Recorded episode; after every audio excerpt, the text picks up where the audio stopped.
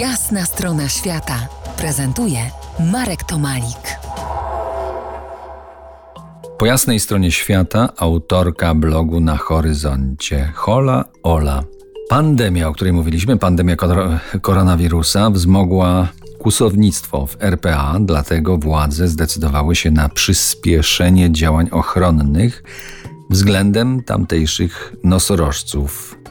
Te działania polegały na odcięciu cennych rogów, zanim zrobią to kłusownicy. Brzmi to strasznie. Co to jest dehorning? Trochę straszna rzecz, którą niestety przyszło nam robić. Ja też o ile mogę tak powiedzieć, e, to jest drugi rok, w którym zajmuję się tak zwanym wildlife conservation, czyli ochroną tej dzikiej przyrody.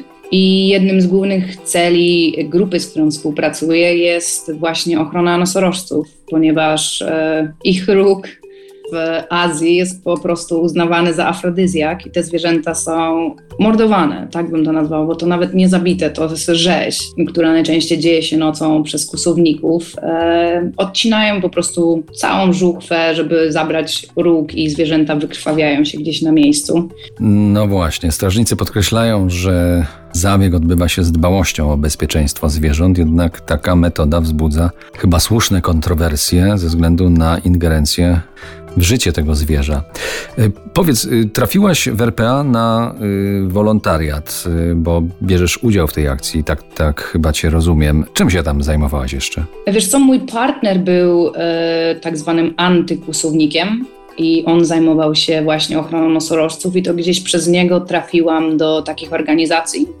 I sama w, poleciałam do RPA, gdzie pomagałam chłopakom właśnie przy takich akcjach, czy też przy zbieraniu sideł E, między innymi pomagaliśmy też w przedszkolach, żeby douczać dzieci na temat tego środowiska, które mają dookoła. Ale to, to nie tylko nosorożce, ale także lwy, żyrafy, chyba zebry Oczywiście, i tak. chyba słonie, tak? zwany tak? łuskowiec, to jest pangolin. One też e, ze względu na ich, to takie kuleczki, nie wiem czy kojarzysz, no. słodkie zwierzątko. Też bardzo, bardzo mocno jest na nie polowane, chociaż e, ciężko jest je znaleźć. Ciężko jest je znaleźć i są pod ścisłą ochroną, podobnie jak nosorożce, ale ich byt jest trudny, więc jest dużo e, organizacji, które po prostu tylko i wyłącznie zajmują się ochroną nosorożców 24 godziny na dobę. Mają swoich strażników z bronią. To trochę tak no, na obecne czasy, ponieważ to wszystko ginie nam na oczach. E, trochę taki Jurassic Park, jeżeli się trafi w odpowiednie miejsce, tak jak ty trafiłaś. Trochę tak, trochę jest to niesamowite. Ja nigdy nie zapomnę tego, jak biegały wokół mnie żyrafy